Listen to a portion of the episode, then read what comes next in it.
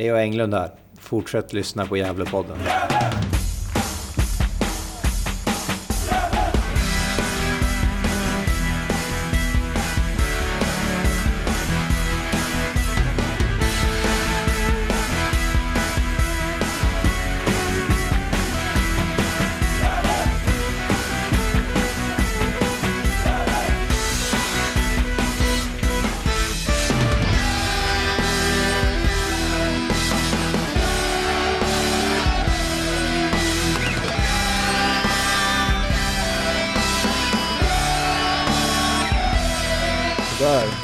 Hälsa er varmt välkomna till en ny vecka. Och eh, veckan startar såklart med podden. Eller startar och startar Isak, det är ju alltså, onsdag spelar in. Men det beror ju på för att vi har intervjuat lite andra personer också. Mm, Men exakt. framförallt Det- varmt välkommen Isak. Ja. Tack så mycket. Tack. Mm. Hur är läget? Det är fint. Det har ju faktiskt den här onsdagen varit lite vårkänsla här i Gävle. Det har Vår till och med. Ja, 14 grader och eh, sol. Ja. Bitvis lite regn också, så det var lite märkligt. Men... Här har det varit storm, typ. Men eh, Mhm. det är härlig. Du hoppar över vintern, kör vår direkt. Mm, hade gärna gjort det faktiskt, om man ska vara ärlig. Ja. Men Ny fotbollssäsong kan man lägga det här bakom sig. I alla fall de senaste matcherna. mm, ja, det finns mycket att prata om där. Men det, det känns Mm. som att vi har, vi har ju proklamerat här i podden att det är mm, en transportsträcka kvar nästan. Kanske undermedvetet har vi sagt det. Men Mm. Eh, Det är ju verkligen inte det, utan det, det är 12 poäng kvar att spela om va? Ja, och jag har ju varit tvärsäker. Ganska många poddar. Johan har varit orolig. Jag har sagt vi kommer klara oss kvar. Eh, det tror jag fortfarande, men, men eh, det är väl inte samma bergsäkra känsla som, som det var tidigare. Eh, det är det ju inte, tyvärr. Nej. Eh, Men vi kommer in på det, men Mm. vi har som sagt eh, gjort lite intervjuer. Så vi ska börja med att eh, ni kan flytta på intervju med Jonas Gradin. Sen ska vi gå över och prata om matchen mot Skövde. Sen har vi också pratat med Ahmed Bonna som är månadens spelare i september. Så den kommer efter där. Och så avslutar vi podden med att prata om vilka kandidater som kan bli Karlsläktans MVP. Som kommer ut här i slutet av veckan. Och det finns det mycket att prata om. Mm. Det är en fullspäckad podd den här veckan också. Det är bra. Det är väldigt bra. Men eh, vi börjar väl att ni kan få lyssna på intervjun då. Jag gjorde med Jonas Gradin idag och den kommer här.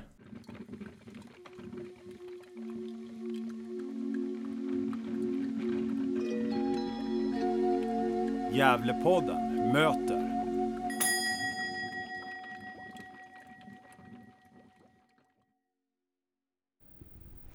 Sådär, då hälsar vi eh, Jonas Gradin, assisterande tränare i Gävle IF och eh, utvecklingsansvarig för ungdomsakademin. Fick jag rätt? Eh, ja, ungdomssidan på Sörby IP är väl mer korrekt. Men, Mm. ja, ut- Bra. utvecklingsansvarig tror jag det heter till och med. Oj, oj, Mm. fina titlar. Mm. Ja, ja. Hur är läget? Eh, ganska bra, lite snorig, kanske någon, någon bieffekt från helgens bravader kanske. Mm. Vi ska ju prata om en del saker där. Vi har ju mest pratat med Micke sådär, men det är ju fler i teamet och du är ju Mm. som sagt assisterande och figurerar ju runt truppen också Mm. och ser saker och ting och analyserar med Micke antar jag ganska mycket efter, efter matcherna. Långa sittningar. men om du vill berätta lite om dig själv då? Hur ser din bakgrund ut? Ja, min bakgrund eh, den är, den är ju lite spretig kan man säga. Men rent fotbollsmässigt så kan man väl säga att jag har jobbat mer professionellt med fotboll sedan millenniumskiftet och det låter ju oerhört länge sedan och det är det ju. Eh, Då kom jag in ehm, i- ett projekt för Svenska Fotbollförbundet hade som eh, heter Talang Talangutvecklarprojektet heter det då. Eh, där man jobbade med Eh, som ju för våran del, Värmland och Västergötland i, ihop och ja, helt enkelt selektera ut de bästa spelarna och så eh, körde gemensamma träningar med dem och lite sådär. Så att det var min väg in i fotbollen på det sättet. Sen jobbade jag väl eh, där och sen har jag varit tränare själv naturligtvis. Eh, FBK Karlstad. Uh, sen har jag tränat Kubik uh, som då låg i allsvenska damallsvenskan och sen har jag varit i Eh, Karlstad Fotboll. ehm, men min mesta del har jag faktiskt tillbringat på Svenska Fo- Fotbollförbundet då. Sen 2007 till 2021. Just det. Så det har varit en, en stund där då. Jobbat med, mycket med utbildning och utveckling. Och eh, som tränare i ungdomsla, olika ungdomslandslag. Har du arbetat tillsammans med den gamla Gävle IF-tränaren Roger Sandberg? Ja då, Mm. en gammal arbetskollega till mig. Mm. Mm. En bra kille.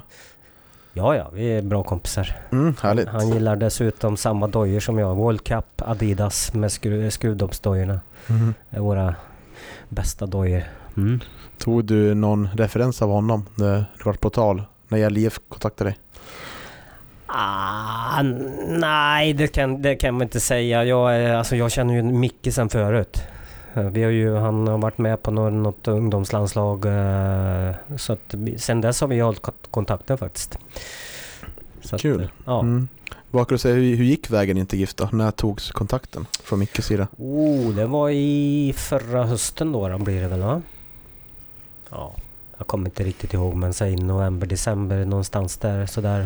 Han undrar ju hur vad jag höll på med och sådär så att eh, ja, på den vägen var det sen. Sen var jag uppe här och hälsade på dem och Mm. Fanns plats för en värmlänning. ja, tydligen. Tydligen. Eh, stämmer du in på värmländska, eh, vad kan man säga, myten, gillar du dansband och eh, sådär? Nah, var det enda det kom på Värmland, typ. Jag gillar det mesta faktiskt. Det är väl också lite värmländskt att man, man fixar det mesta faktiskt. Ja, just det. Ja. Vargfrågan också heter Värmland va? Det är den ju. Och det Mm. finns ju olika läger där också naturligtvis. Men eh, Mm. ja, den, det finns lite att diskutera kring den Ja, såklart. en annan podd. Mm. Men eh, ja, eh, Isak här, min poddkollega, har lagt in en gammal intervju här i era Dagblad. Där York och Tino har sagt till era Dagblad att du är en gamer. Stämmer det? ja, absolut. Jag, jag, jag, jag gillar att lira lite grann så att ehm, absolut. Mm. Mm. Lira, Ja, det, Spel nu, nu är det ju mestadels Fortnite men jag har ju Mm. spelat mycket CS har jag gjort så att, eh, det är väl det. Så nu har min dotter lurat in mig på Valorant. Uh, Mm. ja, någon liknande light CS-grej liksom. Men ja, nej men jag, jag, jag, det är en bra avkoppling för mig tycker jag. mm, härligt. Mm. Eh, men eh, i GIF, du har ju en roll som både assisterande och Mm. i, inom akademin. Mm. Eh, hur skulle du beskriva akademirollen? Hur ser Ja. en vanlig dag ut? Ja, jag är ju inte i akademin på det sättet att jag har något ansvar där. Men det är mer att jag ska länka ihop eh, mm, ungdomssidan som nu är på Sörby IP ihop med så att det blir en helhet. Det är ju det som är mitt uppdrag kan man säga. Och att eh, ungdomssidan Um, från 6 år uh, upp till 19 egentligen som ska vara uh, Gävles uh, Ja, det är vision att man ska ha lag i alla åldersgrupper där och det, det har man ju. Men på Sörby så finns det ju, det är sällan det blir några äldre ungdomslag där utan det brukar avklinga från 15-16 sådär. Mm. Och se till så att det där, där ska jobbas mer systematiskt med, med, med, med spelutbildning helt enkelt. Och hjälpa, Mm. hjälpa det, de tränarna som, som, som verkar där. Hur, hur tycker du det fungerar att kombinera rollerna? Ja, men det, det, det, det är klart det blir... ehm, tiden räcker ju aldrig till någonsin i ett fotbollsjobb. Så att, och när man sitter man på dubbla roller, det är klart att då blir det ju ännu knepigare att få ihop det. Eh, så, så, så är det ju. Men ehm, på, ett, på ett sätt är det väldigt, väldigt bra att, att sitta just på båda. Alltså jag jobbar ju mot seniorsidan för det är ju, där ska ju slutprodukten bli liksom. Så, att, så på det sättet så blir det ju en bra helhet. Jag får en bra översikt på det kan jag tycka. Så att, ehm, det är både och. Mm. Eh, Såklart så önskar man mer resurser och sådär men eh, man måste börja någonstans på något sätt. Det har ju varit lite på tal nu om att man vill- stärka den sportliga organisationen med en ren, Mm. mer renodlad sportchef och sådär. Ja, just det. Har du, är det någonting man strävar också efter att få något mer, så kanske mer på akademin eller nere på Sörby IP mer fullständigt och någon som är mer assisterande tränare Ja, det behöver ju en, eh, ja, en, vad ska vi säga, en, en verksamhetsansvarig som är mer på plats än, än vad jag kan vara överhuvudtaget. För det, det är fysiskt omöjligt om jag är i Mm. Skövde till exempel och vara på plats. Det går ju inte liksom. Så, så det, det måste ju till såklart. Så att, ehm, men det måste ju ta i lagom eh, steg också så att man inte... man vill mycket men det gäller ju att, eh, ibland rätta mun efter magsäcken eller vad det nu heter va. så, så man måste vara smart i det här. Vad, vad skulle du önska själv då, om du blir kvar nästa år och vill vara kvar? Du, vilken roll vill du ha mer luta mot sådär? Om jag fick önska Mm. själv? Mm. Ja, men då, då skulle vi ju vara eh, ett, några funktioner till kan man väl säga eh, naturligtvis. Ehm, men jag gillar mer att man eh, som nu i det, det här gänget, där vi alltså tar lagomma steg. Eh, Men det är klart att utöka mm, tjänstegradsprocenterna på, på varje, varje position, det, det, det tror jag är ett måste om man vill bli lite, lite bättre och skarpare på det man gör såklart. Mm. Så att, eh, det är väl en, en önskan man kan ha. Eh, Om vi tar samarbetet med Micke då. Hur skulle du beskriva er, rollfördelning? Ja, men eh, det är ju han som är chef. Mm. men sen så utmanar jag honom, han kommer med sina idéer och så säger jag men du, tänk på det här då. Så att ehm, vi, vi jobbar ganska bra ihop kan jag tycka. Utmanar varandra och, och vi vrider och vänder på. Ibland så tar det någon grej som kanske var klar, trodde man. Bara för att vi, ja men tänk så här då. Så, så tar det en timme innan. Men det, det blir ju bara liksom ännu bättre då. då. Mm. Det kan vara allt ifrån hur man luckrar upp ett, eh, ett eh, anfallsspel eh, från andra laget. Ja, absolut. Ja, ja visst. Det, det, kan vara, det kan vara från den enklaste jädra passningsövning till uh, hur fasiken uh, använder uh, Västerås kanterna liksom. Mm. Så allt däremellan sitter vi och vrider och vänder på här. Kanske lite väl mycket ibland men ah, Mm. det är rätt kul också. Ja, Mm. det kan jag tänka mig. Och du visst, du rättar mig fel, men du är väl ansvarig en del för fastighetsstationen va? Ja, jag tillsammans med T- Tim då. Mm. Ja, precis.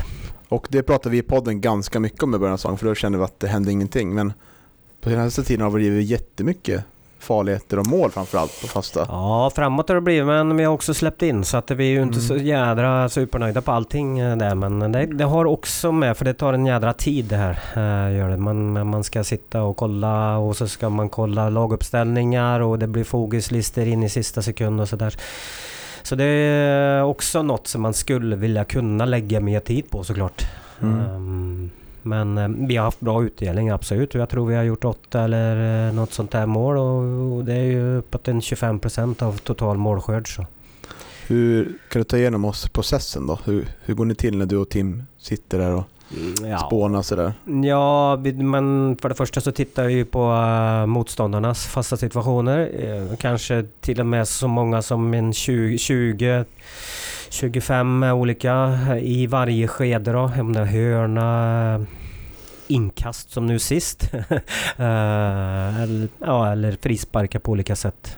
Så det blir ett gäng klipp som vi kikar igenom och så kollar Dels hur de oftast gör. Är det något som eh, sticker ut? Eh, finns det någon specialgrej som de gör? Spelare som vi behöver ha extra koll på?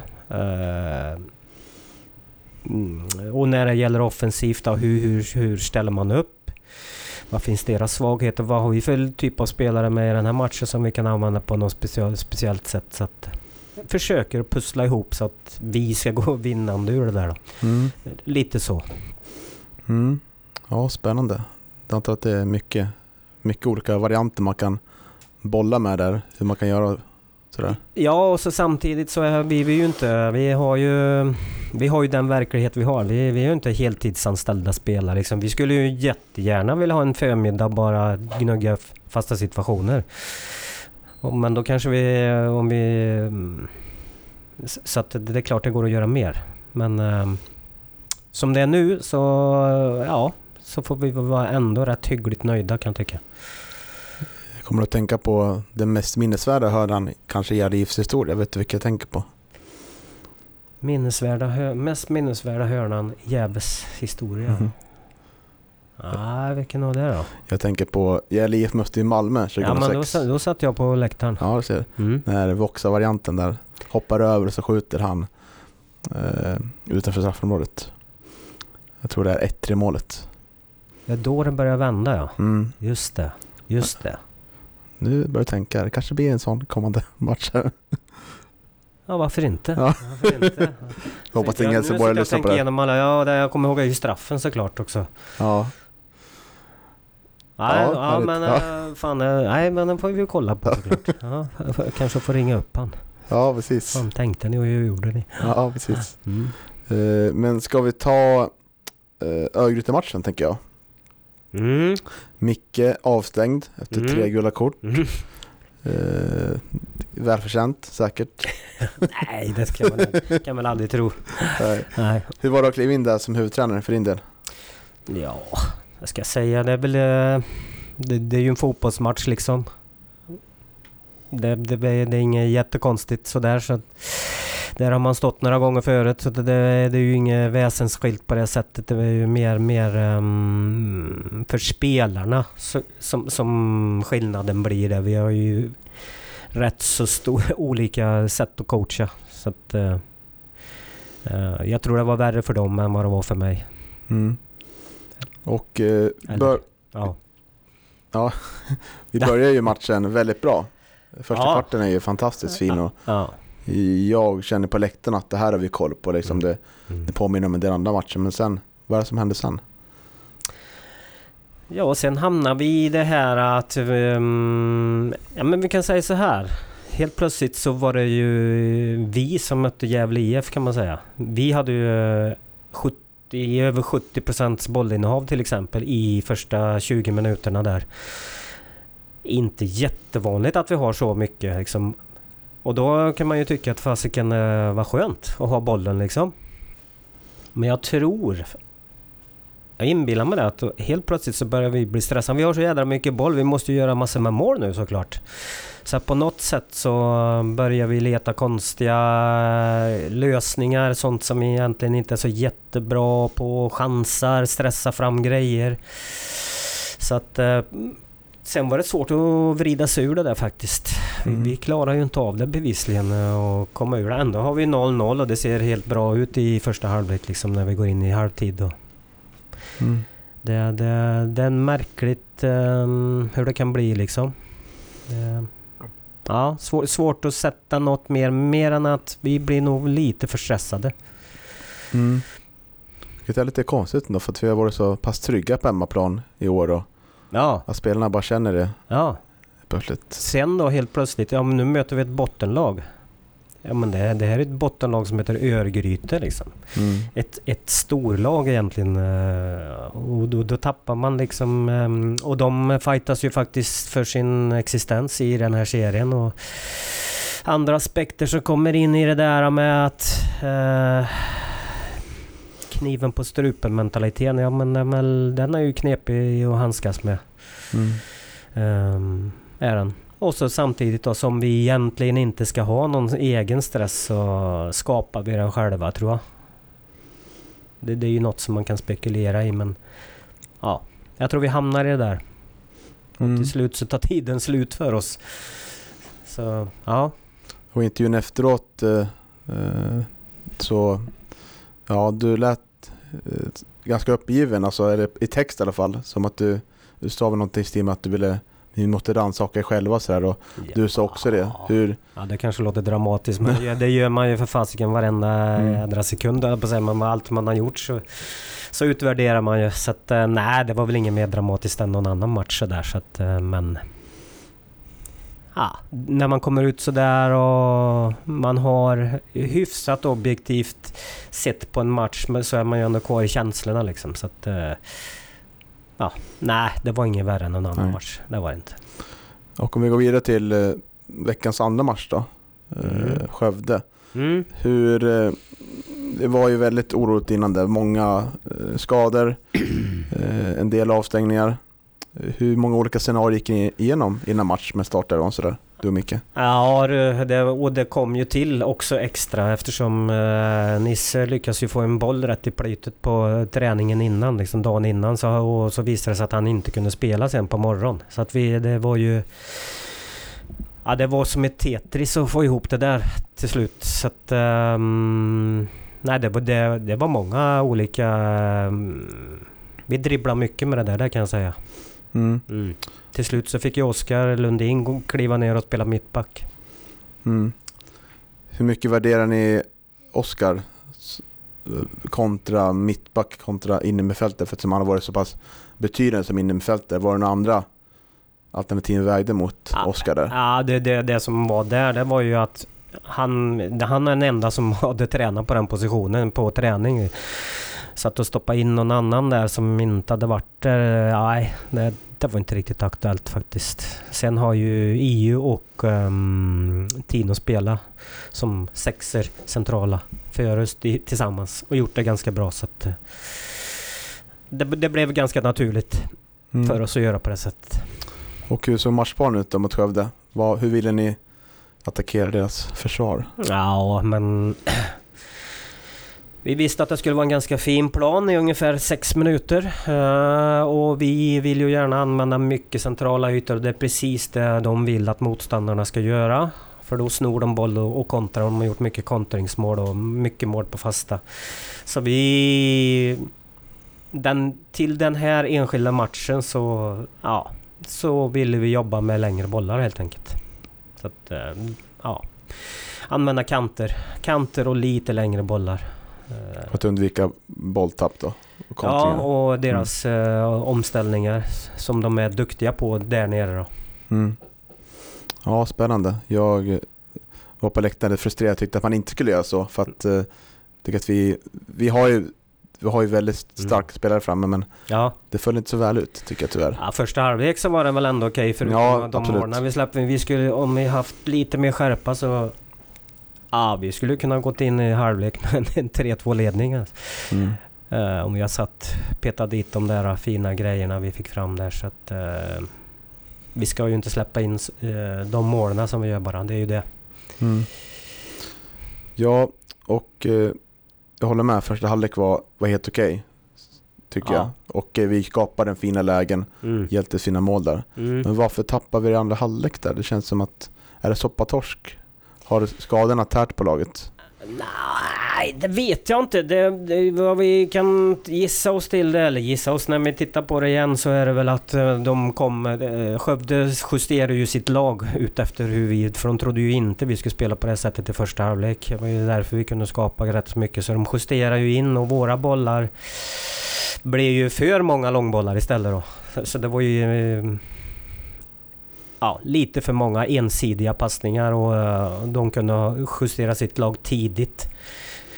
Kan jag tycka. Och det, det, ja, vi vi hade ju ingen träff på det. Det kunde ju de flesta se. Så att, Mm. mm, det, där, mm, det är ju något man kan fundera över. Mm. Varför, ja, varför går vi härifrån den här veckan med noll poäng då? Inte tillräckligt bra. Mm. Det är väl inget... Det är bara... Vi är inte tillräckligt bra. Måste Mm. vi väl vara ärliga och, och säga. Och nu är det ett uppehåll. Mm. Det känns ganska skönt, ska jag ärligt säga. Ja, man ska inte säga så alltid men, men för oss så känns det faktiskt... Det passar perfekt. Bra planerat. Mm. Mm. Hur ser det ut på eh, skadefronten just idag, onsdag då? Ja, nu kommer de flesta att vara i spelbart skick då. När vi Mm. drar igång här nu så att... För oss så... Skönt. Ja, det passar väldigt bra. Men jag tror, tror mestadels så är det en mental... Ja, återhämtning som är det allra viktigaste för oss tror jag. Ehm, Superettan är en väldigt speciell serie att spela i för det finns inte en enda match som du liksom... Fasiken vad skönt, nu går vi ut och tar en poäng för det räcker idag. Det går inte. i den här serien. Det, det, är, ja, det är en klyscha men alla slår fasiken alla liksom. Mm, verkligen. Hur ser, det, hur ser tanken ut nu då i uppehållet här? Det är en bit kvar till nästa match. Vad kommer ni fokusera på? Imorgon nu då så kör vi sista träningen. Sen kommer de faktiskt få ledigt fredag, lördag, söndag. Men sen startar vi om det igen då. Så vi, vi har tränat den veckan. Eh, Ett gäng är iväg och spelar U21 just nu när vi sitter och pratar. Mm. Eh, Så att eh, en träning imorgon och sen får de tre dagar ledigt. Så Mm. startar vi om det igen. Och vad blir viktigt då, då? Att vi försöker undvika att hamna nere i bottenstriden.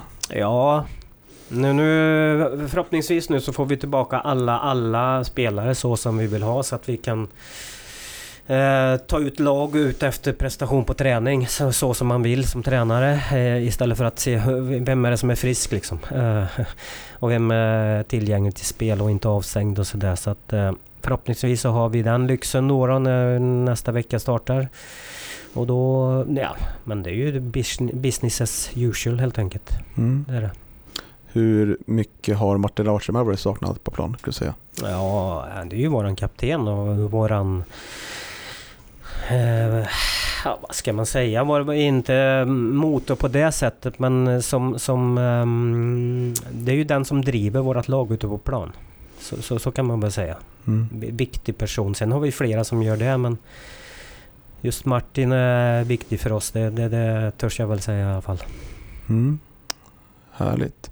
Jag känner mig ganska nöjd Jonas. Mm, Eh, Känner du dig nöjd? med Ja. Mm. jag är nöjd. Härligt. Då avslutar vi så tänker jag. Ja, Tack så mycket att du tog dig tid. tack för det. Tack, tack. Mm. Väldigt trevlig värmlänning, Jonas Gradin. Mm. Bred dialekt, det är härligt. Ja, precis. Han är lite mystisk, sådär som assisterande tränare tenderar att vara. Sören var väl också lite... Man visste kanske lite mer om honom, men, men eh, de försvinner ju lätt. Sådär, så det är kul att få veta lite mer. Mm.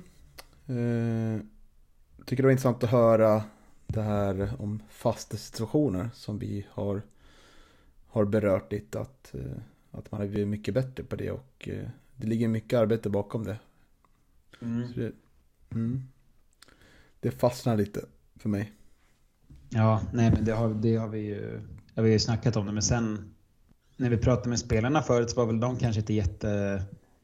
Eh, eller det var väl ingen känsla där av att de hade tränat så mycket mer på det. Men Jonas, ja, det kanske är han som är huvudet bakom det där. För det, någonting har ju hänt. Det är ju uppenbart i alla fall för mig. Mm, precis. Men jag tänker att vi kanske kommer landa tillbaka lite i den här intervjun när vi pratar om Skövde-matchen. Ja, exakt. Eh, Det kom ju in på slutet där av, av intervjun. Och vi, det finns väl en del att säga om Skövde-matchen. Mm, jag tänker att vi, Eh, vi, mm, vi går över dit tänker jag. Ja, vi gör det. Eh, förutsättningar var som sagt, som vi var inne med på, med Jonas. Lite röriga. Eh, det var en del spelare tillbaka i startelvan. Bland annat så var eh, Iron Eda tillbaka. Eh, och eh, Hjälte. Hjälte, tack. Mm. Andra starten i år. Mm. Men framförallt så, ja. Ja, nej, jag antar att det var det det skulle komma in på. För Daniel Eliasson. Ja, framförallt. Ja. Jag är tillbaka. Ja. Eh, härligt. Såklart. Vilken start? Har han startat något i år? Andra? Kanske? Mm, det var någon fågel i mig som sa, viskade att han har startat på Trelleborg faktiskt. Premiären. Ja, just det. Och Det kan nog stämma faktiskt. Ja, insatser man minns. Mm. Nej men framförallt så var det ju en kris i backlinjen här. Det var Kevin Persson avstängd. Eh, Och eh, Martin Rauschenberg eh, fortsatt skadad. Nisse Eriksson, hjärnskakning. Mm, den kom ju nära in på. Mm. Och det gjorde att han fick ställa upp med Filip Ekman igen. Niklas Åkesson tillbaka från skada. Och Oskar Lundin fick agera Martin Rauschenbergs roll där som central Mm. mittback. Härligt på något sätt att mittbackarna hade nummer 4, 5, 6. Det kan jag, Har de kan jag uppskatta. Ja. Ja, verkligen. Ja. Eh, som sagt Eliasson på vänsterkanten, eh, Aspgren på höger. Ett mittfält eh, väldigt fysiskt. Eh, Med Anton Lundin och Jakob Hjelte på kanterna. Inte lika fysiskt centralt. Såg han nu. Yra ner och Condino Capotondi centralt. Och Leo på topp. Ja, alltså eh, Eh, det var ju mycket frågetecken när jag såg den här elvan. För innan, när den kom så visste ju inte jag att Nisse var skadad. Eh, och då tänkte väl jag att när chocken hade lagt sig lite så tänkte jag väl att det var någon form av säkerhetsåtgärd. Att ja, men det kanske inte är så dumt att eh, i, eller IO kommer kanske inte hålla 90 minuter. Då måste man kunna slänga upp Oscar eh, när IO kliver ut och sen ta in Nisse så att man har någonting på bänken och sätta in.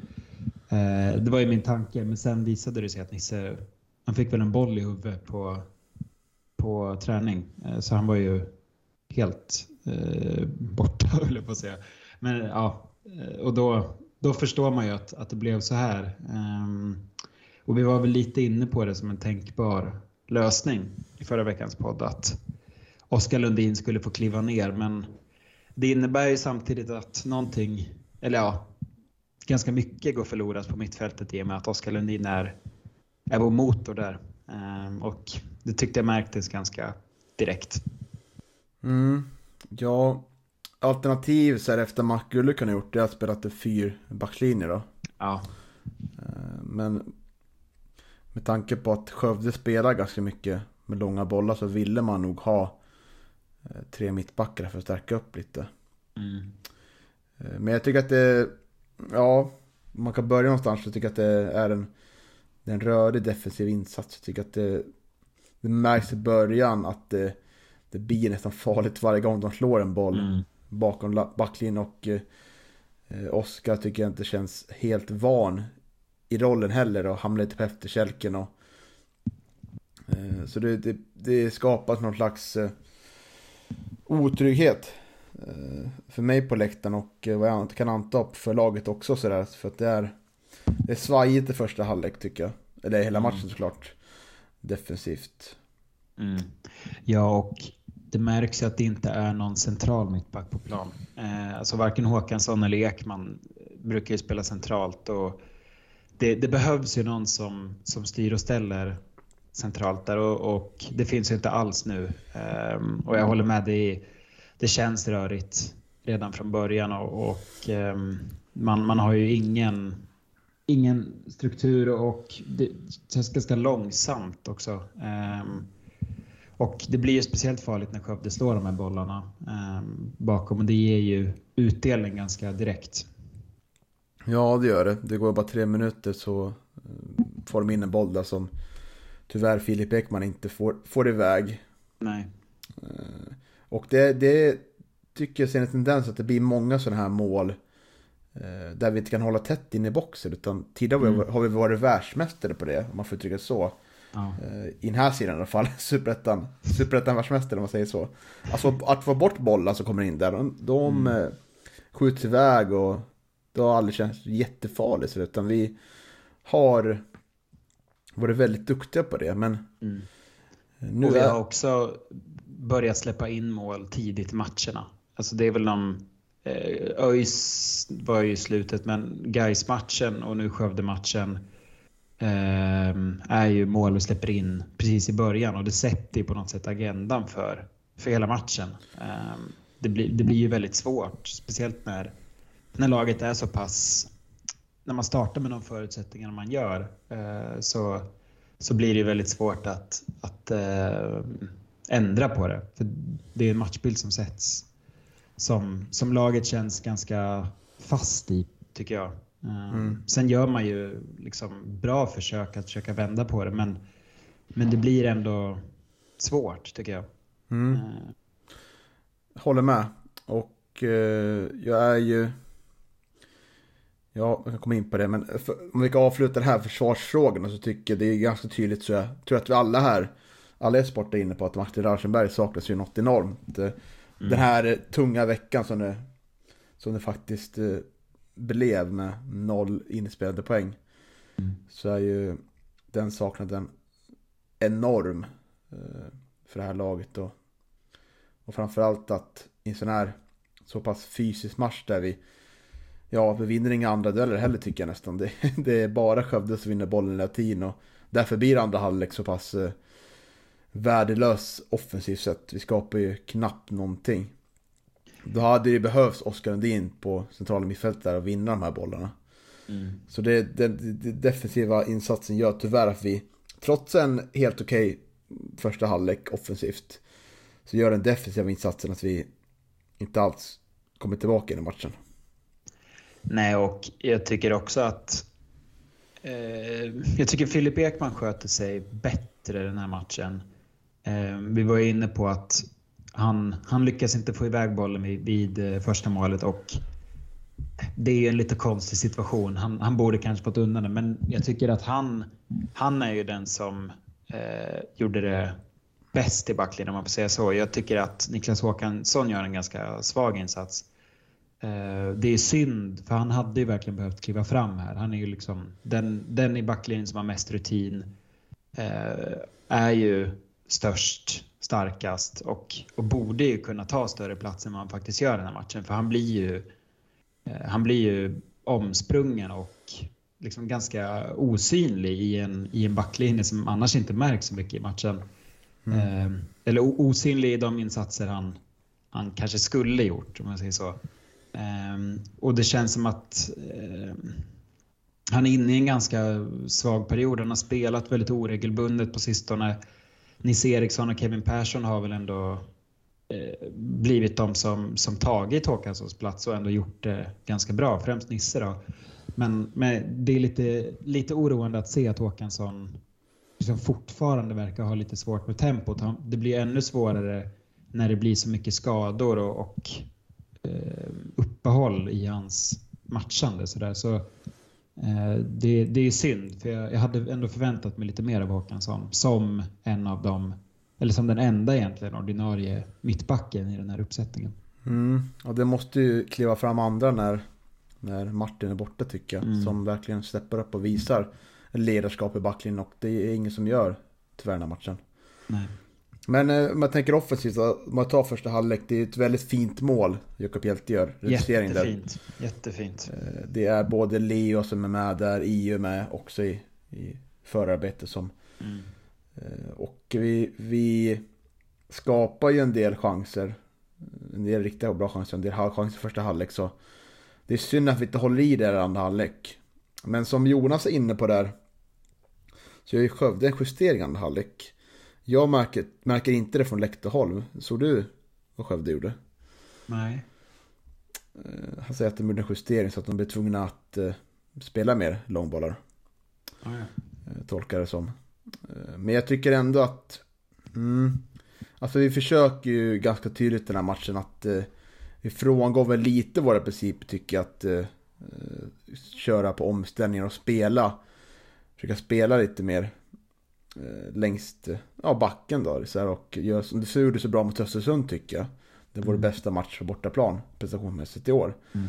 Eh, Men här försöker vi spela längre bollar mot Jakob Hjelte, Englund och Anton Lundin. Och eh, att möta ett lag som är kanske bäst i serien på det, eh, Skövde, eh, i alla fall topp 5, tycker jag är lite fel väg att gå ut. Jag tycker att vi borde försöka spela vårt, eh, eh, vårt spel istället som vi har varit så pass bra på i år. Eh, För när det blir som att i andra halvlek så är ju knappt Iranera och Capotonde med i spelet. Mm. Och, eh, och visst, det är en plan som kanske inte är jättebra. Men Skövde visar att det går att spela bollen eh, via backen också, för det gjorde de också en del. Och det blåser en del. Ja, fast andra halvlek då blåste det faktiskt åt eh, vårt håll. Mm. Eh, så jag tycker att eh, matchplanen går att kritisera, helt klart. Ja, alltså jag håller både med och inte med. För jag tycker att första halvlek offensivt är... Jag blev positivt överraskad. Jag tyckte Jakob Hjelte var väldigt bra. Han gör sin bästa insats i år, tycker jag.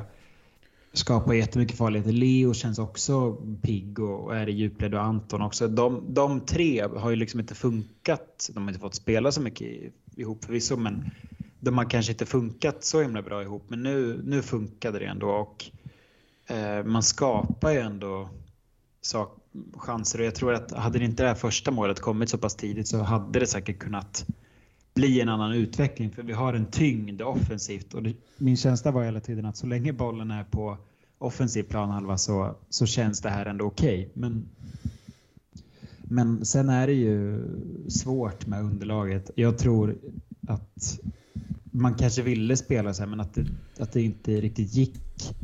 Eh, alltså spela på det sättet vi gör. Dels för att underlaget var svårt, besvärligt. Dels för att vi inte har Oskar Lundin på mittfältet. Eh, det, det känns ju som att Tino kommer inte riktigt till sig rätt. Io är bra tycker jag, men eh, det, det blir ändå... Det blir som två olika lagdelar på mittfältet. Mm. Att det blir ju ett, en tyngd lite mer längre fram med Leo, Hjälte och Lundin. Och sen blir det ju ett, som du sa, ett, ett lite svagare mittfält om man säger så. Um, och där känns det som att man inte riktigt lyckas hitta balansen. Och jag tycker väl ändå att man gör det helt okej okay utifrån förutsättningarna i första halvlek. Men, men det förändras ju väldigt mycket i andra. Uh, och då kommer ju Edqvist in uh, och det funkar ju inte riktigt att, att driva boll i den här matchen utan man är ju tvungen att vara väldigt direkt. Uh, och det, det, är vi verkligen inte i, i andra offensivt. Nej, Jonas sa ju efter avslutad inspelning att eh, Adrian eh, var bänkad då för att matchbilden inte passade honom. Mm. Eh, men Anton blir ju skadad där tyvärr igen. Därför mm. går han ut i halvtid. Jag tyckte Men, han gjorde det bra i, ja, i första faktiskt. Absolut. Och det är väl också en bidragande orsak kanske till att det... Eller en, en del av orsaken till att vi går ner lite offensivt. Mm. Men frågan är om inte Romas kanske skulle, skulle, skulle kört med fyra mittbackar och få upp Eliasson som försöka spela någon slags eh, defensiv rivjärn. Där är han som bäst. Ja, det vore kanske inte helt dumt. Mm. Um, ja, för det blir ju lite, det blir lite en annan balans på mittfältet då också. Um, ja, det hade nog med, alltså, för då blir det ju ett tyngre, då har du Hjälte och Leo längst fram. Det blir ju en, då får du ju tyngd i alla lagdelar och det tyckte jag saknades på mittfältet nu. Så ja, det, det är ju spelar ingen roll nu när vi sitter här, men ändå. Det, man hade ju kunnat göra annorlunda. Mm, håller med. Eh, nej, väldigt tung vecka. Jag försökte tänka här häromdagen. När var det länge sedan vi hade en sån här dubbelvecka? Alltså två matcher samma vecka. Och vi förlorade båda, men rent på förhand kom jag inte på någon så här. Eh, så, men det kanske vi har någon gång långt bak så det får vi gärna någon lyssnare påminna oss om. Men det här, det kändes som att vi gick in den här veckan med att nu har chansen att säkra kontraktet. Liksom vi möter förvisso två bottenlag som vi varnade lite för att det här blir inte jättelätt. Mm. Eh, men eh, man har ju dras med senaste tiden tycker jag för att man har dels känt så att ja, vi, vi är så säkra det här laget, det kommer räcka till. Men också så har man så här, man har också väntat lite på den här dippen som ska komma. Liksom. Man har, jag har i alla fall dragit lite med både de två Eh, idéerna. Och eh, nu tyvärr så kommer ju den här dippen. och den har vi kanske varit inne i ett tag mm. i alla fall. Eh, framförallt försvarsmässigt så har det ju ramlat in alldeles för mycket bollar på senaste tiden. Ja, verkligen. Och jag tänkte på det när jag såg matchen att känns som att Ja, defensiven som samman men Robin Wallinder har också, vi hyllade honom väldigt mycket eh, under början av säsongen och speciellt när vi var så bra. Och nu känns det som att hela, hela den defensiva biten har ju fallerat och, och det är ju synd för Robin gör ju en väldigt fin match. Eh, I alla fall för andra halvlek. Han gör ju två otroliga räddningar. Mm. Men han får ju inte alls den här hjälpen som han, som han behöver. Och det var ju väldigt länge sedan vi höll en nolla. Jag tror vi har hållit fem nollor i år. Och det är väl egentligen för lite. Alltså vi, nu ligger vi låg, högt upp i tabellen och gör väl ändå helt okej okay med mål. Eh, I alla fall förut. Men, men det är väldigt få nollor som hålls. Att vi släpper ju in mål i princip varje match och lyckas på något sätt göra det. Eh, och nu har det blivit väldigt många insläppta. Sex mål mot Gais, två mot Sundsvall, tre nu. Eh, det, det är synd, för det, det blir ju som en negativ spiral där, där det känns som att inget defensivt fungerar tyvärr. Mm. Fick för övrigt höra från Jonas Gardin att första målet är såklart offside. Ja, jag tänkte att vi skulle Mm. ta det. Mm. För jag, jag satt och kollade på den situationen eh, i efterhand. Eh, jag tycker generellt att det är en ganska svag och märklig domarinsats den här matchen. Eh, men första målet är ju klar offside. Jag tycker att vår backlinje stannar ju upp och vinkar mot linjedomaren för att de tror att det är offside. Och det är ju det är väl en boll som som eh, ungefär i mitten av, av eh, Gävles planhalva slås till en Skövdespelare som kommer från offside. Och han är ju flera meter offside när han kommer och står ju kanske en halv meter, meter offside när han får bollen. Um, men det är, det är en solklar offside i, i första läget. Um, det syns inte jättebra på tv-bilderna för att man filmar den centrala delen av planen. Men det, det är en offside. Och det är, det är väl en av anledningarna till att backlinjen stannar upp så pass mycket som de gör. För det, det förstår jag att man gör. För det, ska, det skulle ju blåsts. Det är svagt. Och det är speciellt när det sker så tidigt i matchen också. För det sätter ju på något sätt, utan att skylla på det, så sätter ju det väldigt mycket tonen som vi var inne på. Mm. Ja, verkligen. Men sen tycker jag att, vad är din bild av domarinsatsen? För jag tycker att det är väldigt inkonsekvent. Jag tycker domaren missar mycket. Mm, jag håller med. Eh, det känns lite halvt rörigt där och eh, och det, man blir ju så pass, ja, eh, det är bara att ta vissa situationer från tidigare matcher där vi fått, varit väldigt hårt ansatta domarna. Mm. Och nu, och vissa matcher som det här så blir det ingenting på motståndarna. Så, ja, domarnivån måste ju höja sig klart. Men det hade vi inte pratat heller om vad jag hade vunnit den här matchen Isak. Nej, nej jag vet. Nej, men, nej, men det, det, det finns inget att, att skylla på i matchen. Jag tycker bara generellt att det var en väldigt dålig fotbollsmatch. Det var en riktigt dålig fotbollsmatch. Ja, det var det. Och där tycker jag att domarna hade kunnat göra sitt för att höja nivån. För det blir väldigt konstigt när, när det är i princip brottning ute på plan från minut ett och domaren reagerar inte på det. För det känns som att domaren inte sätter standarden i matchen utan han låter det vara väldigt mycket. Det är många situationer där, där det skulle blåsts för det är en del fula efterslängar från båda hållen. Eh, det är liksom händer upp i ansiktet, det är knuffar och det är ganska mycket tacklingar sådär som hade domaren ändå markerat lite direkt så hade det ju kanske satts en, en standard som inte gjordes. Och det är märkligt att domaren tar... Han ger ju ett gult kort i andra halvlek tror jag och det är till en ledare i Skövde. Eh, och det, då känns det som att han inte ser vad som händer på plan men, men hör det som händer utanför. Liksom det, det var, det var eh, märklig insats tycker jag. Men det, det är inte på något sätt där vi förlorar matchen. Det är det ju inte. Nej. Det Eh, finns ju inget att skylla på liksom. Men Nej, så är det. Vad, vad känner du kring den här veckan då? Hur har vi tappat? eh, Vad har vi tappat för någonting? Är, eller är, kan man bara säga att det är på grund av skadorna som det ser ut så här? det finns ju en... Det är, det är många olyckliga omständigheter. Eh, vi har väldigt många spelare borta, skadade. Det är ju tätt matchande. Vi har fyra matcher på två veckor. I kombination med att två av de här matcherna får vi ett rött kort mot oss. Um, om det är, ja, i alla fall två matcher i närtid. Vilket gör att laget tvingas ju spela och springa väldigt mycket mer eh, med en man mindre i stora delar av matchen och, och det blir ju väldigt mycket slitage på de spelarna som spelar samtidigt som många är borta. Så det i kombination med att det är en, en formdipp nu gör ju att det har sett så här ut. Eh, det finns ju, utan att skylla på det så, så är det ju, det här blir ju priset av att vi har en väldigt tunn trupp. Eh, det funkade väldigt bra i början av säsongen, i mitten av säsongen, men nu, nu märks det ju väldigt tydligt. Och det, det är ju synd att, att det har sammanfallit med varningar, eh, avstängningar och andra skador. Sådär. Um, men om man ser till, till det du sa med vad vi har förlorat så det är svårt.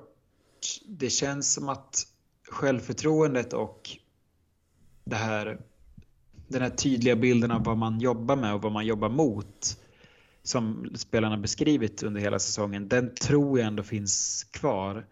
Men det kan säkert vara något med att man, man kanske zonat ut lite. Alltså det, det har ju det har gått väldigt bra. Det, det kan finnas någon känsla av att, inte att det är klart, men att det går att andas ut lite och det, det är väl nu det är som farligast att göra det, för det är ju precis motsatsen till vad de lagen vi möter känner och tänker. Um, så jag vet inte. Det, det, jag tror att det är ganska mycket som, som samverkar sådär.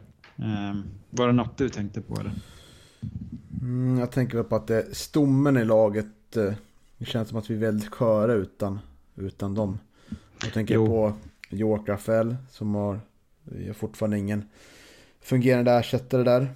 Eliasson gör så gott han kan men han får ju chansen nu eh, som vi efterlyst men ja, tar väl inte den likt eh, Friman inte heller gör. Men Nej.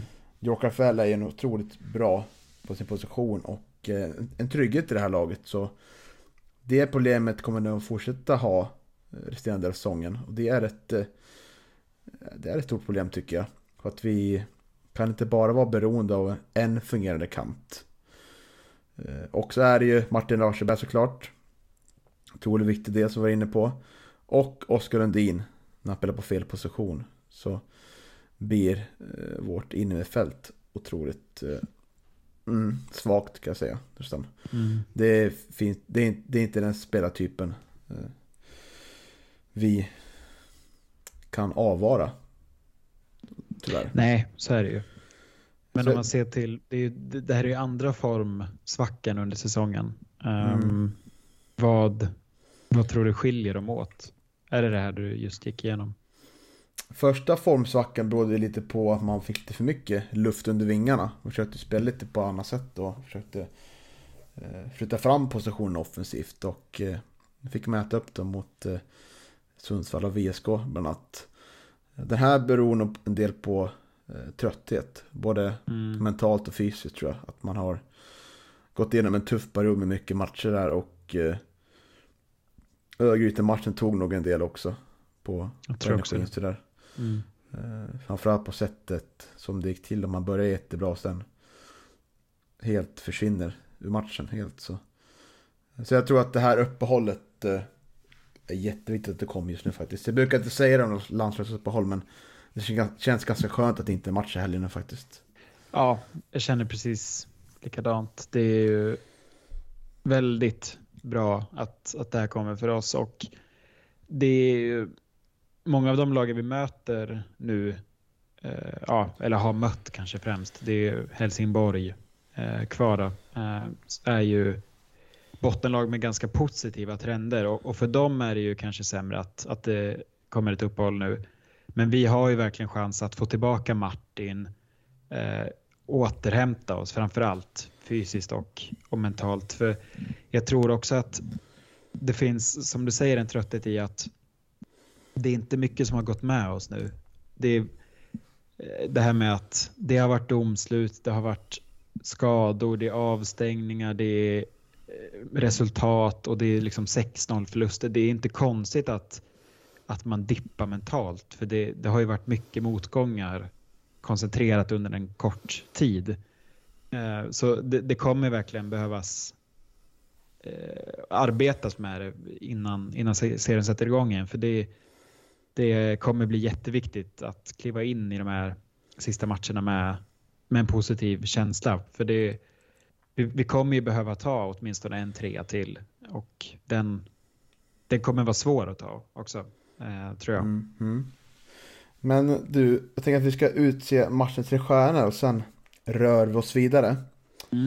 Eh, det var lite lurigt, men jag lanserade tre förslag och du nappade på alla tre, så det var härligt. Ja, det gjorde jag. Eh, Svag vilja. ja. Nej. Jag höll med. ja, man får hålla sams och komma överens om saker och ting ibland också. Mm. Vi brukar ändå göra det. Det är Johan som... Mm, Johan sätter sig på tvären ibland, Han är lite polemisk. verkligen. Men vi landade i en stjärna, Kristoffer Aspegren. Mm.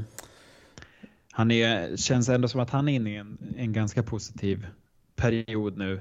Eh, men kan också vara med att, vi har ju pratat om det, att man lätt glömmer honom, men på samma sätt som man lätt glömmer honom så sticker han ju också ut när resten av laget är dåligt för att han håller en väldigt stabil nivå. Mm. Så han, han är ju en, en positiv konstant om man säger så. Så är det. Två stjärnor, vår katalan, EU Ranera. Eh, Bidrar ju offensivt i första halvlek. Gör det bra tycker jag. Mm. Eh, Sliter och eh, vinner en del boll där. Men sen faller han väl ut i andra halvlek som alla andra i laget. Men vi tycker väl ändå att det är han som är mest kreativ där framme. Mm. I alla fall att skapa målchanserna. Ja, absolut. Och den som är bäst är Jakob Hjelte.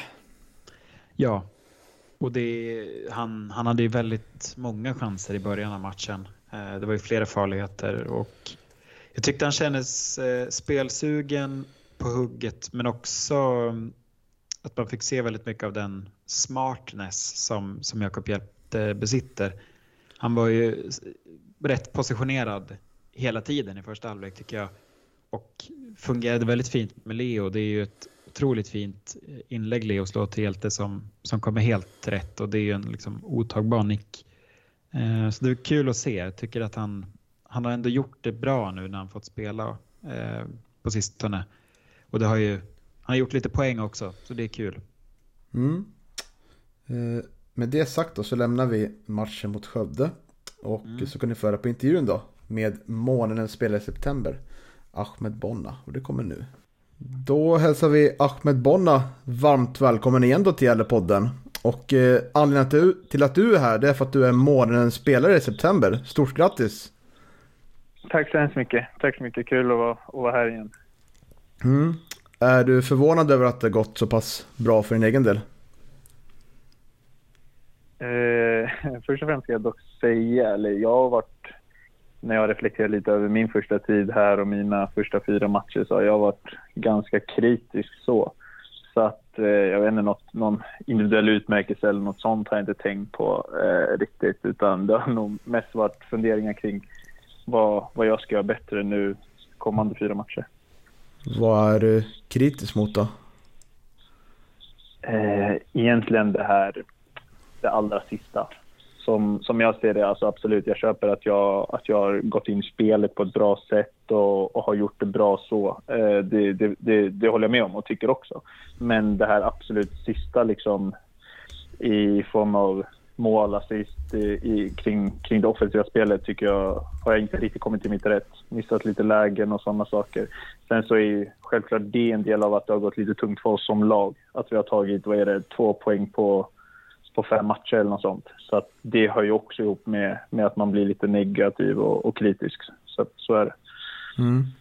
Och nu har du varit i klubben i ja, lite mer än en månad. Vad skulle du säga om Ja. den senaste tiden sådär? Eh, Hur har det varit när det har gått lite tyngre på plan sådär poängmässigt? Eh, Men tänker du eh, kollektivt eller för mig individuellt? Mm, du kan ta, ta både och om du vill. Ja, nej, ja, som lag så har vi ju... Dels har det varit lite bittra omständigheter om man ska säga så. Dels med två röda kort eh, som vi har fått tidigt i matcherna, två matcher i rad och, och sådana saker som har ställt till det lite. Men om vi bortser från allt sånt så tycker jag väl att vi, vi har stått för ja, mestadels då stabila insatser. Det, vi har inte fallit ur ramen på något sätt och liksom klappat ihop fullständigt. Bortsett då från guys när vi, när vi har rött kort tidigt, sådana saker. Men annars så tycker jag att vi, vi har gjort det bra, men att det har saknats liksom lite, lite spets och egentligen i båda riktningarna. Eh, vi, har, vi har varit bra liksom med boll, vi, vi har fört många matcher, men vi, vi skapar inte tillräckligt många lägen och gör inte till, tillräckligt många mål. Så jag, jag tycker vi har varit uddlösa offensivt och sen så kanske släppt in lite lite för enkla mål bakåt eh, och det har straffat oss. Och det hör ju egentligen ihop också med, med varför jag har varit kritisk mot, mot mig själv efter mina matcher. Eh, och det är just det jag var inne på innan också, att absolut tycker jag att jag har tagit för mig bra och varit bra med bollen, varit bra i, i det felvända spelet, kunnat sätta upp mina lagkamrater i bra lägen och sådana saker. Men just kring sista tredjedelen så har det inte varit tillräckligt bra produktion från min sida. Och sen så höjde det absolut ihop med, med det kollektiva också. Jag tycker inte att vi har hotat motståndarnas sista linje tillräckligt mycket. Jag tycker inte att vi har varit tillräckligt bra där. Så det är klart att det hör ihop med, med det också. Man kan inte göra det själv, liksom. vi är ju ett lag. Och mm. Det är klart, om vi har lite svårt med det kollektivet, det är klart det går ut över mig som offensiv spelare, så är det ju. Uh, för om man, om man tar matchen mot ÖIS då, känns det som att vi, vi började ganska bra första kvarten. Det kändes så i alla fall på, på läktaren som vi hade koll på matchen. Men vad är det som händer sen? Blir, blir ni för bekväma eller är det ÖIS som, som tar mer kontroll över matchen? Ja, nej, jag, jag, jag delar den bilden. Jag tycker att vi, vi startar matchen bra och egentligen första halvlek, även om initiativet skiftas lite och ibland så får de tryck på oss och ibland tvärtom så, så tycker jag att det, det är en jämn match och, och liksom, vi, vi har inte på något sätt gjort bort oss så utan vi, vi är inne i matchen och vi är till och med för en vissa perioder. Men sen är det som du säger lite mer i andra halvlek så tycker jag att vi, jag vet inte exakt vad det är konkret men vi går ner oss lite. Eh, och de får ju sitt 1-0. Jag har ett, alltså, ett jättebra läge där ganska precis innan typ de gör 1-0. Att göra 1 Eller så kanske det redan stod 1-0 och hade blivit 1-1. Jag minns inte exakt, men jag har ett jättebra läge där och så. Så att jag tror att det var lite det som saknades i den matchen. För att vi är jättebra i speluppbyggnaden. Vi löser deras press nästan varje gång. Så länge ingen slarvar på mitt plan så att de vinner så löser vi det hela tiden. Det som saknades var lite bollar bakom deras backlinje lite att skapa övertag på kanten och komma runt för att slå inlägg och kanske till och med, ja, vad vet jag, att någon bryter mönstret helt genom att gå en mot en eller något sånt. Mm. Uh, för det, egentligen, vi hade ett skott första halvlek och det var ett långskott och det var, det var jag som sköt det så det är därför jag minns det också. Så att jag tycker vi skapade för lite. Mm. Och ja, om vi tar senaste matchen då. Det var ju tyvärr avstängd där men hur har, mm. vad, vad säger du om den matchen? Det var ingen höjdare att kolla på, på läktaren i alla fall. Nej, nej exakt, exakt det, det är lite exakt samma där tycker jag. Jag, jag. jag, såg ju matchen så live och sen så kollade jag även om den efteråt. Och dels så är det ju två otroligt liksom, snöpliga mål som vi släpper in tidigt. Och jag menar, det, det, spelar ju egentligen ingen roll vilka man möter. Om du ligger under med 2-0 första kvarten eh, så, så kommer det bli svårt att vinna den matchen. Sen det är klart att det går, men man sätter sig inte i en bra sits liksom. Så att när vi, när vi får jaga matchen så, så blir det ju svårt.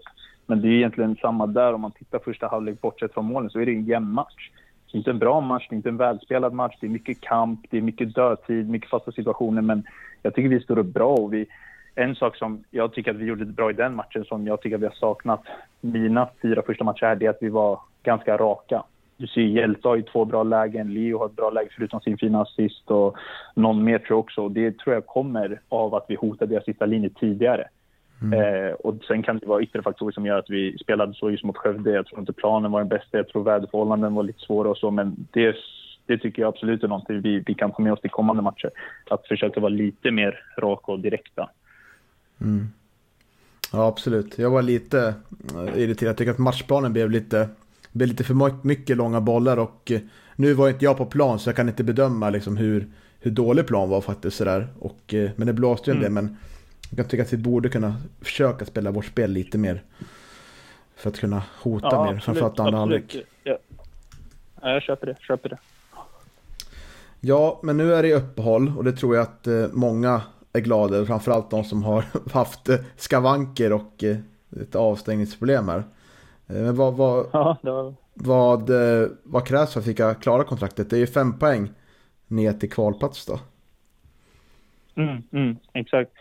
Nej, jag tror, jag tror inte det är något så, en liksom faktor som kommer bli avgörande eller något sånt. Utan vi har, det är fyra matcher nu efter uppehållet som, som egentligen kommer bli som fyra finaler. Och, och det är ingenting unikt just för, för oss i Gävle utan så kommer det vara för i stort sett alla lag i här serien att de här sista matcherna kommer bli som, som finaler för att i princip alla lag har någonting att spela för. Eh, så att det kommer bli otroligt tufft och, och svårt eh, oavsett egentligen vilka man möter. Om du möter toppen eller botten. Liksom.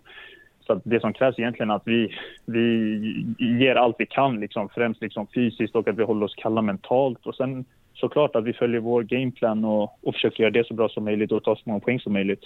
Det är det som kommer, som kommer avgöra det. Och eh, du har sagt varit i klubben en månad du. Vad, vad säger du om föreningen? Vad är du, vad är du imponerad av och vad tycker du bör, finns det någon sak som bör bli bättre? Eh, ja, jag som person är ju så att eh, jag, ser, jag har ganska svårt att nöja mig och försöker alltid se egentligen att allting kan bli bättre och att det är där fokuset hamnar på. Att försöka göra även det man är bra på bättre och så så men som för, förening tycker jag att den är otroligt väl fungerande och det finns personer på alla roller liksom så, så att det är inga problem. Eh, och sen även träningsklimatet med, med spelartrupp och ledarstab tycker jag fungerar bra. Har du problem med skador, fysen och allt sånt så att grundförutsättningarna finns där. Alltså, då, sen handlar det om- om att ta nästa steg och det är väl någonting också som klubben har pratat om. Eh, att kanske få in fler folk eller göra fler folk till heltidsanställda för att liksom höja professionaliteten i klubben och sådana saker. Det är jag egentligen inte rätt person att svara på så eh, med min liksom ringa insyn i, i klubben. Men jag antar att det är väl det som behövs för alla ja, superettan division 1-klubbar. Liksom, att försöka göra det så professionellt som möjligt eh, utifrån de medel man förfogar över. Liksom. Så det är väl det jävligt behöver göra också. Mm. Eh, om du skulle nämna en spelare då, vilken tycker du har imponerat mest på dig under tiden du var här? Det, det är en del. Eh, Oskar Lundin tycker jag är fantastisk. Eh, och jag tycker att han håller ihop vårt lag väldigt, väldigt bra, offensivt defensivt. Eh, och sen så även Tino som jag nämnt innan tycker jag är fantastiskt bra.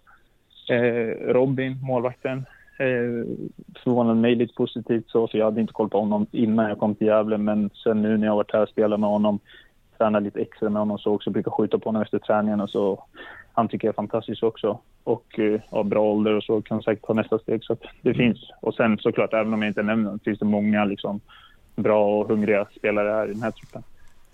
Vad härligt. Det låter lovande. Ja. Eh, Jag tänker att vi ska avrunda. Så jag vill tacka dig Ahmed för att du tog dig tid denna tisdagskväll. Ja, absolut, absolut. Jag är, på, jag är faktiskt på anläggningen. Jag är kvar med Mr. Io Raniera. Oj, eh, legend. Han hälsar. Han hälsar Ja. på den. Ja, Hälsa tillbaka. göra. Fråga om det, om det blir någon paella framtiden.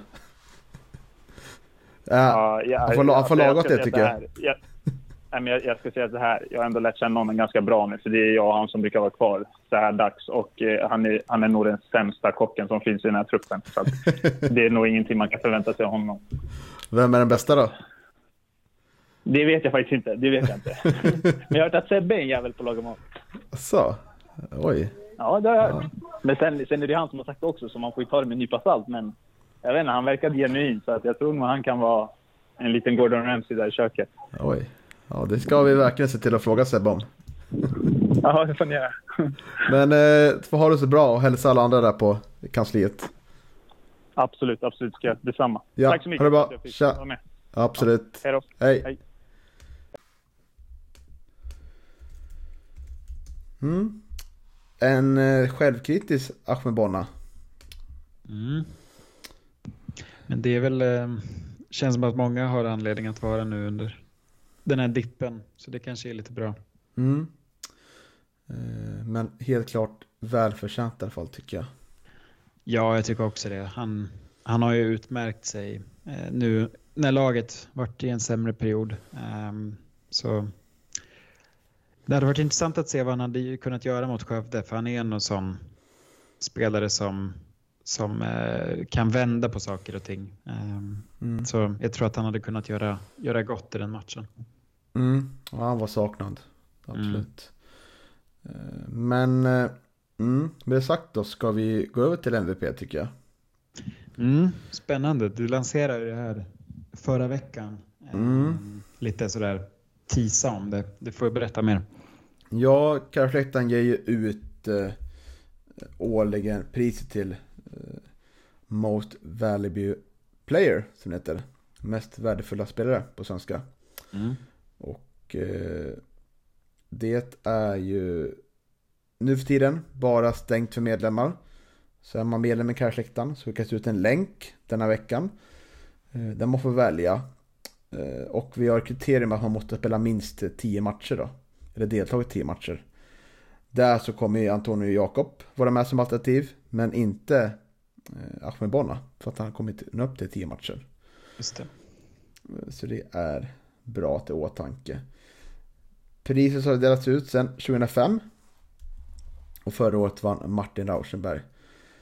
Eh, Han har chansen att vinna i år igen. Eh, Alltså ta hem priset två gånger. Det är bara en spelare som har gjort det. Vet du vem som har gjort det? Ja.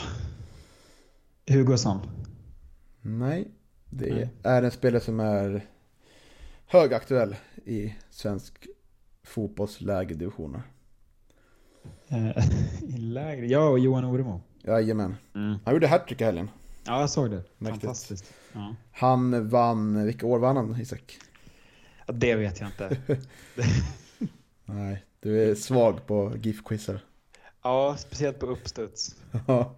han vann 2007 och 2015. Mm. Men förra året var det ganska given vinnare. Martin Mm. Larsenberg.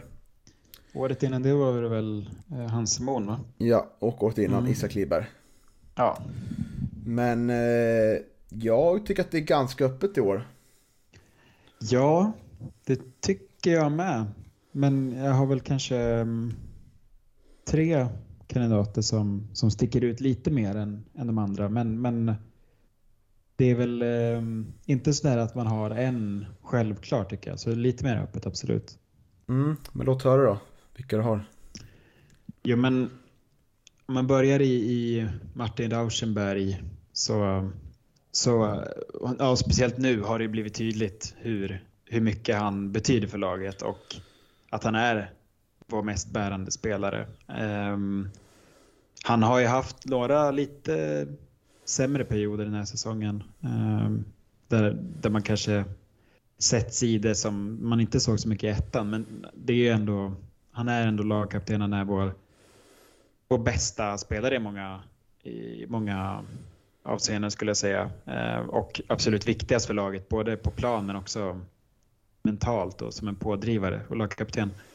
Eh, så han är väl en kandidat eh, enligt mig. Sen har ju Johan främst pratat väldigt mycket om Oskar Lundin som sin kandidat och där skriver jag, väl- skriver jag väl under också. Det var ju när han var borta som, som inte vann några matcher alls. Och han har ju verkligen varit riktigt bra den här säsongen. Eh, och väl varit eh, men både länk mellan backlinje och mittfält men också väldigt mycket offensivt. Han har gjort en hel del poäng och tycker att han, han är ju den, han är väldigt viktig för vårt spelsätt. Alltså utan Oskar så, så blir det ganska mycket som fallerar för att vi behöver den här tyngden på mittfälten, boll, bollvinnaren men också spelfördelaren.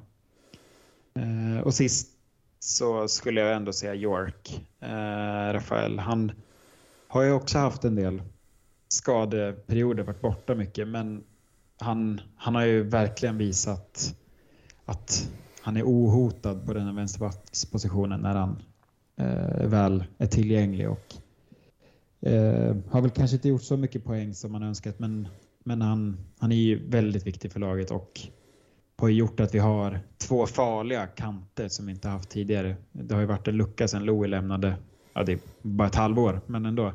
Ehm, så, alltså med Cooper. Ehm, så nej, York, eh, Oskar Lundin och Martin skulle jag sätta som, som mina kategorier. Skriver du under eller har du någon annan utmanare? Eh, jag har lite fler utmanare. alltså, Eh, jag skriver inte under helt på York Rafael. nej, Jag nej, köper, han kanske jag är lite mer bubblare. Men, Ja, jag köper det du säger, men han har varit lite väl eh, mycket skadad. ja, Sen, å andra sidan, sen han har försvunnit så har ju eh, resultaten inte gått våran väg. Så att han nej. är väldigt viktig för laget. Mm. Men är han viktigast för laget?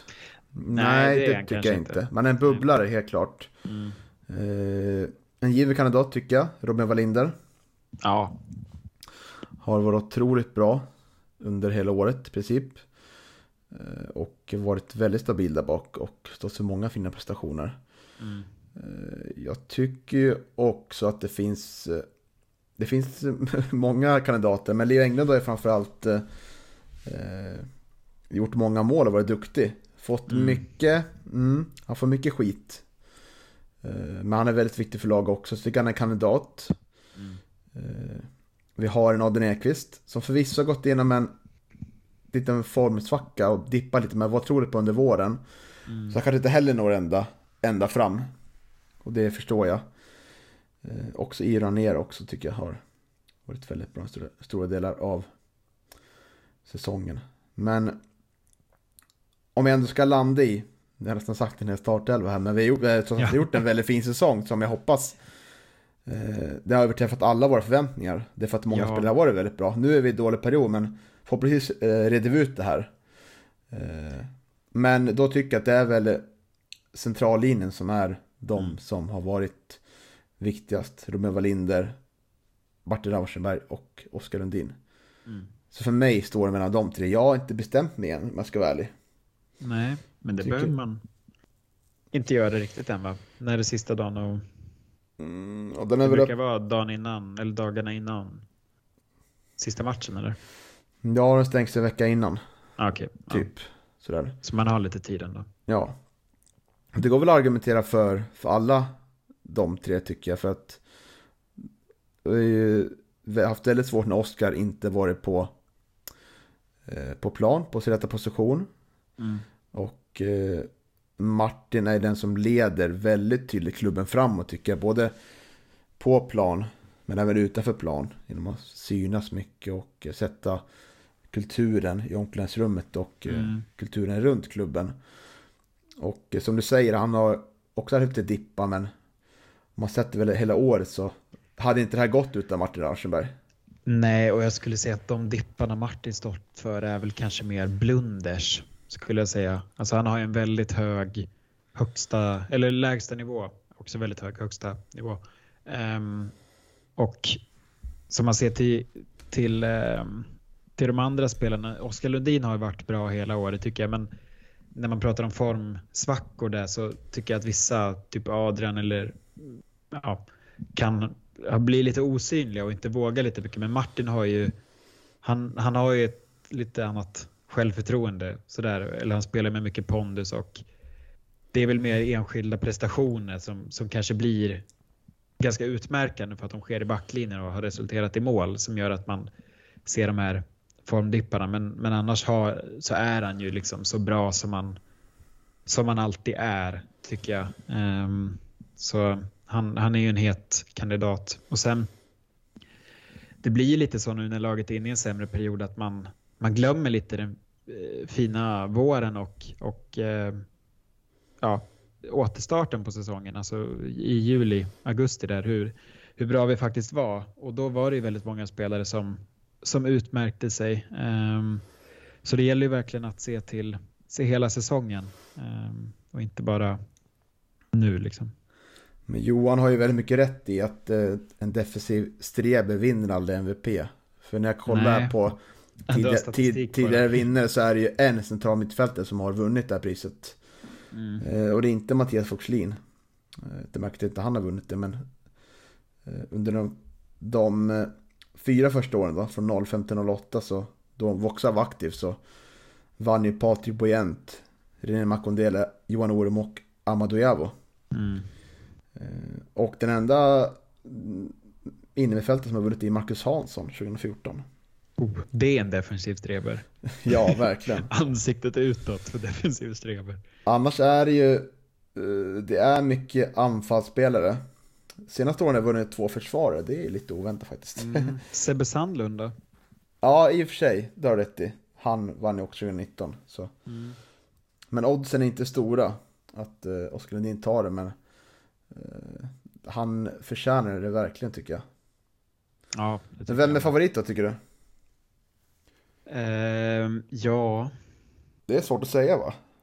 ja, det är det. Men jag tror ändå att Oskar, nu, nu talade du nyss emot det, men eh, om, man, om man bortser från statistiken så tror jag ändå att Oskar har ganska goda chanser.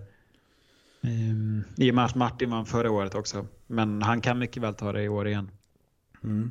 Ja, det finns ju för, för, jag tror det finns ju, man kan prata väldigt gott för alla tre kandidater som, Mm. Eh, sådär. Det tycker jag är härligt, det är härligt för vårt, eh, vår självbild också som elitsportare. Det kollektiva liksom, att det finns ingen självklarhet då. Nej, det är bra. Mm. Men jag har inte bestämt mig, så jag tänker inte säga vilken jag kommer rösta på än, för det kan jag inte göra. Men Nej. du, du har kanske bestämt dig? Bi- Ja, Tino? det lutar. Ja, det blir, ja, just det. Det har vi glömt. Ja, ja det är sant. Ja, jag har väl låtit honom... Det är underförstått att det är dit jag söker mig. Precis. Eh, Nej, men det, det låter väl folk få väga in sina egna åsikter då. Ja, det gör vi verkligen. Tycka sådär. och Det ska bli intressant att följa omröstningen. Mm. Eh, Sådär, då har vi, vi in ett ganska trevligt avsnitt tycker jag Isak. Ja, verkligen. Och kul med lite andra röster också med Jonas och Ahmed. Så Mm. ja, en bra snack. Mm. Och nästa vecka är förhoppningsvis Johan Norrström tillbaka. Mm. Det, vi går på lite landslagsuppehåll. Vi med. Mm. Ja. Vi ska, inte, vecka vi ska inte till Friends Arena va? Nej, det avstår vi. Ja. Ja. Och eh, ja. Det, där är det mer deppigt än kolla på ELIF får man säga. Ja, det är faktiskt laget. det. Det finns alltid de som har det värre. Ja, så är det. Eh, men med det sagt så tackar vi för denna vecka så hörs vi nästa vecka. Hej då.